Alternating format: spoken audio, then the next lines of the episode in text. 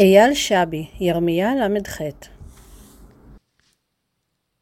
נחבאים אל הכלים, דברים לכבוד פרק ל"ח בספר ירמיה.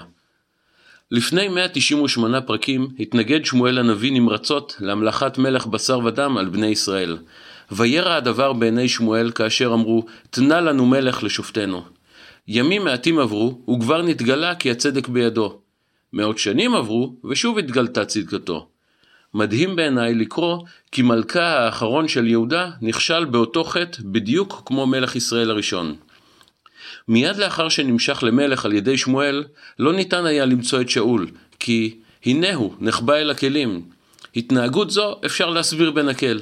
שאול היה אז מלך צעיר, שעדיין לא קרא את כללי הטקס של מלכי ישראל, ולו מן הסיבה הפשוטה שכללים אלו טרם נכתבו וטרם פורסמו ברשומות.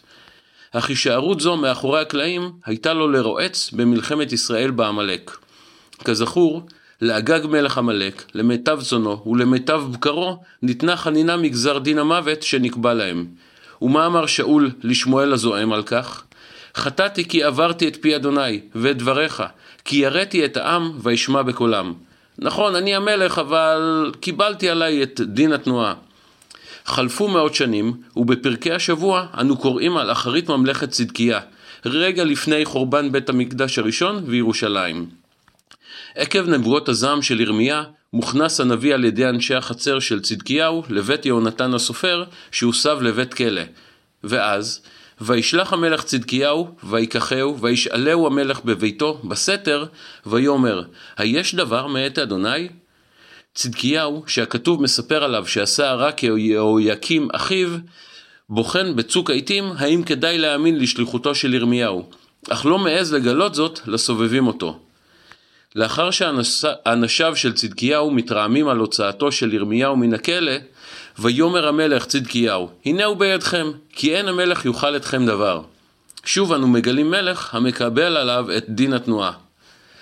לאחר שמתחבר לצדקיהו כי אנשיו השליכו את הנביא לבור טיט, שולח המלך את עבדו לחלץ את הנביא האומלל מן הבור. אבל גם את זה הוא עושה בסתר. וישבע המלך צדקיהו אל ירמיהו בסתר לאמור חי אדוני אשר עשה לנו את הנפש הזאת עם עמיתך ועם אתנך ביד האנשים האלה אשר מבקשים את נפשך. עד כדי כך חושש המלך מאנשי החצר שלו, שהוא מתאם גרסאות עם הנביא, כדי שחס וחלילה לא יואשם המלך בבגידה במלכות, כמו הנביא הסורר. ויאמר צדקיהו אל ירמיהו, איש אל ידע בדברים האלה, ולא תמות. וכי ישמעו השרים כי דיברתי איתך, ובאו אליך ואמרו אליך, הגידה נא, הגידה נא לנו, מה דיברת אל המלך? אל תכחד ממנו, ולא נימיתך, ומה דיבר אליך המלך? ואמרת עליהם, מפיל אני תחינתי לפני המלך, לבלתי אשיבני בית יהונתן למות שם. מאות שנים של מלכות, מלך ראשון ומלך אחרון, אך המסר הוא זהה. כל אדם, ובמיוחד מנהיג, אסור שיכלכל את מעשיו על פי כמות הלייקים שהוא צופה לקבל על דבריו או על מעשיו.